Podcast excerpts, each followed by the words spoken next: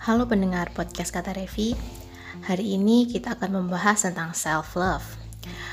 Tema yang seharusnya saya sampaikan kemarin untuk memenuhi challenge 30 hari bersuara. Ya, seharusnya itu menjadi tema hari ke-14. Tetapi karena banyak sekali tugas menulis dan juga uh, saya terlalu capek setelah pulang dari kantor kemarin, makanya baru sempat bikin podcast pagi ini. Hari ini saya tidak akan berbicara banyak karena soal self love sendiri sudah sering dibahas di berbagai media. Baik di media cetak, bahkan banyak sekali buku-buku yang membahas soal self love ini. Self love bagi saya ada beberapa hal yang penting, yaitu mencintai kekurangan diri, lalu memoles kelebihan diri, sekaligus menghargai apa yang dimiliki orang lain. Loh, kok bisa? Apa hubungannya antara self love dengan menghargai apa yang dipunya orang lain? Jadi saya jabarkan seperti ini ya. Yang pertama soal mengakui kekurangan.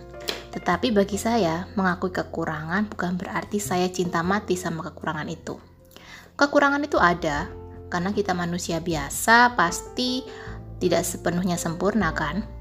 Tetapi bukan berarti kita pasrah, menyerah, dan tidak mau merenungkan kekurangan ini sebenarnya bisa diperbaiki atau tidak sih? Jadi gitu ya. Misalnya nih uh, buat teman-teman yang uh, awalnya sangat pemarah dan mudah terpancing emosinya. Apakah serta merta karena self love lalu kita mengumbar kemarahan itu begitu saja? Mungkin pada dasarnya karakter itu akan sulit diubah kita masih mudah emosi. Tapi bagaimana cara kita menyalurkan kemarahan agar tidak menjadi brutal dan tidak merusak hubungan orang lain? Itu yang perlu kita pelajari. Jadi kekurangan itu dimaklumi, kita pahami, kita kenali, namun jangan sampai kita cinta mati sama kekurangan itu. Uh, contohnya dari pengalaman saya sendiri, saya kur, uh, termasuk orang yang sebenarnya sangat mudah ceplas-ceplos. Kebetulan ternyata saya berjodoh bertemu beberapa sahabat yang orangnya sangat perasa dan juga introvert. Otomatis di awal-awal adaptasi tanpa sengaja dan tanpa saya ketahui, ternyata kata-kata saya itu sering menyakiti hati sahabat-sahabat saya.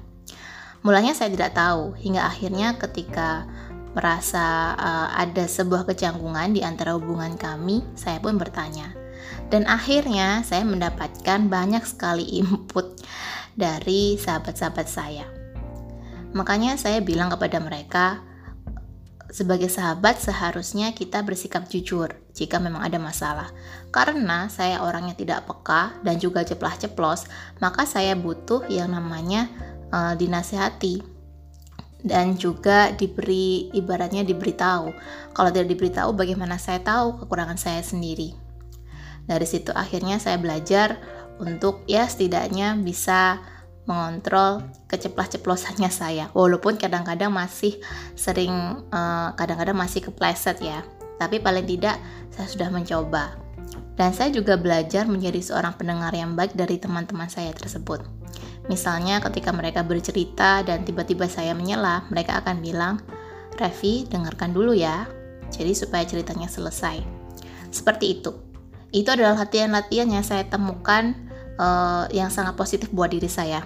Bukan berarti kita self love lalu tidak mau untuk memperbaiki kekurangan. Terutama kalau kekurangan itu berkaitan dengan kebaikan kita sendiri misalnya kalau kita mau belajar.